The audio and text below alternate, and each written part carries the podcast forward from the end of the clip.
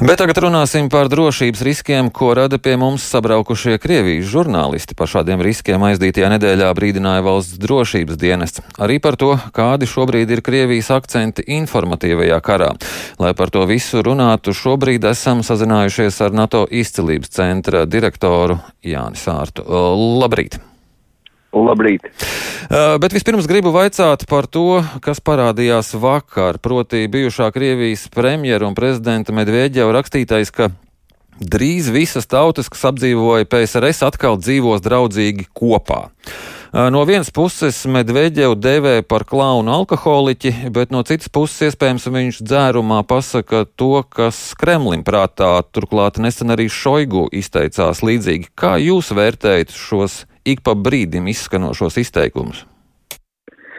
Nu, manā vērtējumā, protams, tas norāda uz zināmu, teiksim tā, domāšanu Krievijas valdošās elites uh, vidū, uh, bet uh, vienlaicīgi tas arī norāda uz to, cik lieli, nu, tajā paralēlējā realitātē viņi aizveduši ne tikai savu sabiedrību, bet arī paši dzīvo. Jo, protams, nu, pēc tā, ko viņi spējuši parādīt Ukrainā, diez vai viņi varētu tiešām uh, realistiski cerēt uz šādu scenāriju realizēšanos. Bet uh, vakar īpaši pieminēta uh, bija Gruzija, Kazahstāna. Viņiem būtu jāstraucās?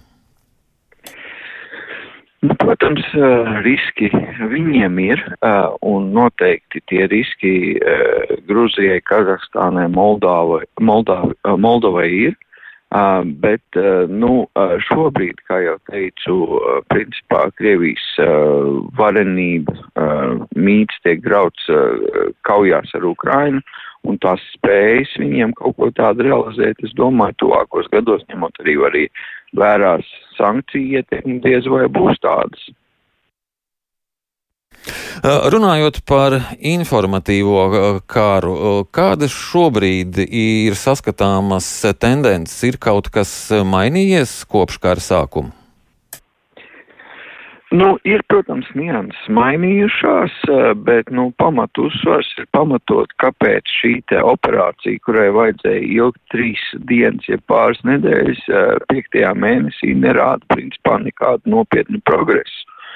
Un, nu, vēl viena lieta, ko mēs tikko redzējām, Medūza kā reize ziņoja, ka ir izplatīts jauns Kremļa apkārtraksts visiem žurnālistiem, kā jā jā, jārāda pēdējā laika notikumi. Un uh, tas, ko tur bija teikts, tas, kas tur bija teikts, bija, ka, um, piemēram, uh, šī te cīņa ar Ukrainu jārāda tādā, jāsalīdzina kontekstuāli ar Krievijas, uh, um, Krievijas kristianizāciju 900. gados. Un otrs, ar ko jāsalīdzina ar, ar Aleksandra Ņevska uzvaru pār Zviedriem un Somiem 1240. gadā. Nu, klausoties šo un izlasot to apkārtrakstu, kas ir vadlīnijas visiem žurnālistiem, nu, atkal jāsaka, ka, nu, nu, tiešām, diemžēl, tiem cilvēkiem Kremlī pavisam konteksta un mēra sajūta ir pazudusi. Uh, bet uh, lūkojoties uh, uz to, uz Latviju un Baltijas valstīm, šeit parādās kaut kādas jaunas lietas. Nu, pirmā lieta, kas joprojām ir nu, spēkā, ka pašiem Krievu, teiksim tā, darboņiem nav īpaši daudz laika un spēju palicis pievērsties atsevišķi Latvijai kā tādai. Ir, protams, cilvēki un grupas, eh, kuri mēģina, eh, nu, teiksim, eh, Kremļa priekšā izpildīties un pavairot dažādus naratīvus šeit pat Latvijā, bet, nu, principā tas, ko mēs zinām, ir, ir tas, ka Krievija ir, nu, ko mēs redzam, ir tas, ka Krievija ir spēcīga, Krievija Ukrainu uzvarēs, um, Krievijā, teiksim tā, Eh, Krievija uzvar fašismu Ukrainā un uh, Latvija var būt nākamā, bet nu, šī tēma, ka Latvija varētu būt nākamā, kas bija diezgan izplatīta uh, šī kara pirmajos mēnešos, manuprāt, šobrīd aktualitātē ir krietni nogājusi uz leju. Bet tagad, kad Saimnes ārlietu komisija uh, atzinusi Krieviju par terorismu atbalstošu valsti, un ja tagad vēl uh, Saima uh, šo apstiprinās, varam kaut ko sagaidīt no Krievijas puses? Nu, skatīsimies, principā, kā jau teicu, vai iemesli, kāpēc mēs varētu kaut ko sagaidīt no Krievijas, ir vairāki. Pirmkārt, jau tas bija lēmums par uh, padomu laiku pieminekļu nojaukšanu. Uh, nu, šis noteikti arī ļoti, ļoti sāpīgs Krievijai, un principā es uzskatu, ka jā, tas var radīt, uh, nu, teiksim tā, uh, kaut kādus mēģinājumus tā teikt, atriepties, bet, kā mēs redzam, arī no visas tās uh, pieminekļu sāgas, nu, šobrīd vismaz Krievija nav spējusi neko daudz uh, nu, likt galdā. Nu, jā, ir kiberuzbrukumi, tas taisnība, un diezgan intensīvi, bet ne, ne īpaši veiksmīgi. Uh, nu, skatīsimies, jo, kā jau esmu bieži teicis, bez gribēšanas vajag arī varēšanu. Un es, eh, nu, protams, Krievijai ir, uh, ir spējas, uh, nu, teiksim tā, um, izdarīt, nu, lietas Latvijai, kas ir, kas ir sāpīgas, bet, uh, bet, nu, vienlaicīgi viņiem ir karš Ukrainā, vienlaicīgi ir uh, sankcijas, vienlaicīgi ir, nu, tas, ko Krievija vēl mēģina darīt dažādās vietās Eiropā, un līdz ar to, nu, es nezinu, cik viņiem spēku mums palīdz.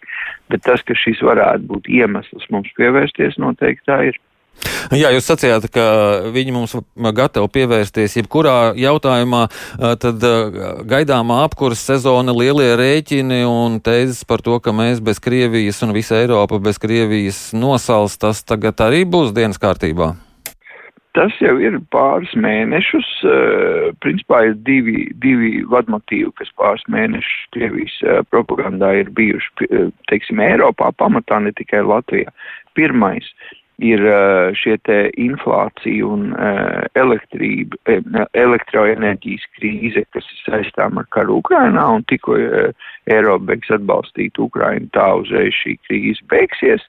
Un otrs, protams, ir bijis līdz šim eh, šis te pats, eh, ko, izrais, ko varētu izraisīt eh, labības graudu trūkums dažādās pasaules vietās un no tā izietošais bēgļu vilnis, ka tas arī ir viss, nu, teiksim, tikko beigsim atbalstīt Ukrainu, tā arī viss problēma beigsies. Tā kā šīs ir divas lietas, ko, protams, Krievija jau vairākus mēnešus um, izmanto, un tanī mirklī, kad tiešām tā problēma parādīsies, nu, tā, teiksim, tā ziemā ne tikai tas, ka nu, būs liela rēķina daudzās valstīs, bet arī varbūt vietām arī pietrūks uh, tā siltuma nu noteikti Krievijas propaganda to mēģinās attīstīt pilnā sparā. Aizdītajā nedēļā valsts drošības dienests brīdināja par riskiem, ko rada pie mums iebraukušie žurnālisti. Kas ir šie riski? Cik zināms, tie, kas atbalsta, palīdz šiem žurnālistiem un to redakcijām saskaras ar masīviem kiberuzbrukumiem. Tos jūs arī pieminējāt. Šie laikam būtu vieni riski, bet pieļauju, ka ne tie, ko bija domājis drošības dienests. Ko jūs teiktu? Nu, es domāju, tur pašam drošības dienestam jāsaka, kādi tieši tie riski uh, varētu ar šo būt. Uh, manā viedoklī, nu, tie žurnālisti, kas uh, mēģina realizēt šeit uh, objektīvu žurnālistiku uh, un vēstīt šo te informāciju atpakaļ Krievijas informācijas telpā, nu, ir viens no veidiem, kā mēs mēģinam drupināt to atbalstu putinismam Krievijā, jo jāsaprot, ka nu, viens ir uzvarēt karā Ukrainā Ukraiņiem, bet otrs nu, mums kaut kādā veidā jārisina tas viss, kādā stāvoklī šī Krievijas sabiedrība ir novesta, atbalsta karu noziegumus, tā teiksim, aplaudē šīm te militārām operācijām. Uh, Un ar šo ir kaut kādā veidā, ar šo ir nu, jācīnās. Un viens no veidiem ir, protams, cīnīties caur šo te objektīvo informāciju. Un viens Jā. no veidiem, ko viņi uztver, ir uh, krievu žurnālisti. Tas, ko mēs sakam, droši vien viņiem daudz mazāk ir. Bet īsumā tie ir teorētiskie tie riski. Ne, nu, ir, protams. Tas, ka, viņi var būt saistīti ar drošības struktūrām arī. Nu, es tā pieņemu, nu, ka starp tā teikt kārtīgiem āboliem varbūt arī kāds sapuļs to jau nevar nemirkli izslēgt. Tā jau nebūtu arī pirmā reize vēsturē, ka tā tas notiek. Um. Bet, nu, vismaz manā viedoklī tas būtu attaisnojums šajā situācijā. Man jāsaka jums paldies par šo sarunu. Atgādinu, ka mēs sazinājāmies ar NATO izcelības centra direktoru Jāni Sārtu.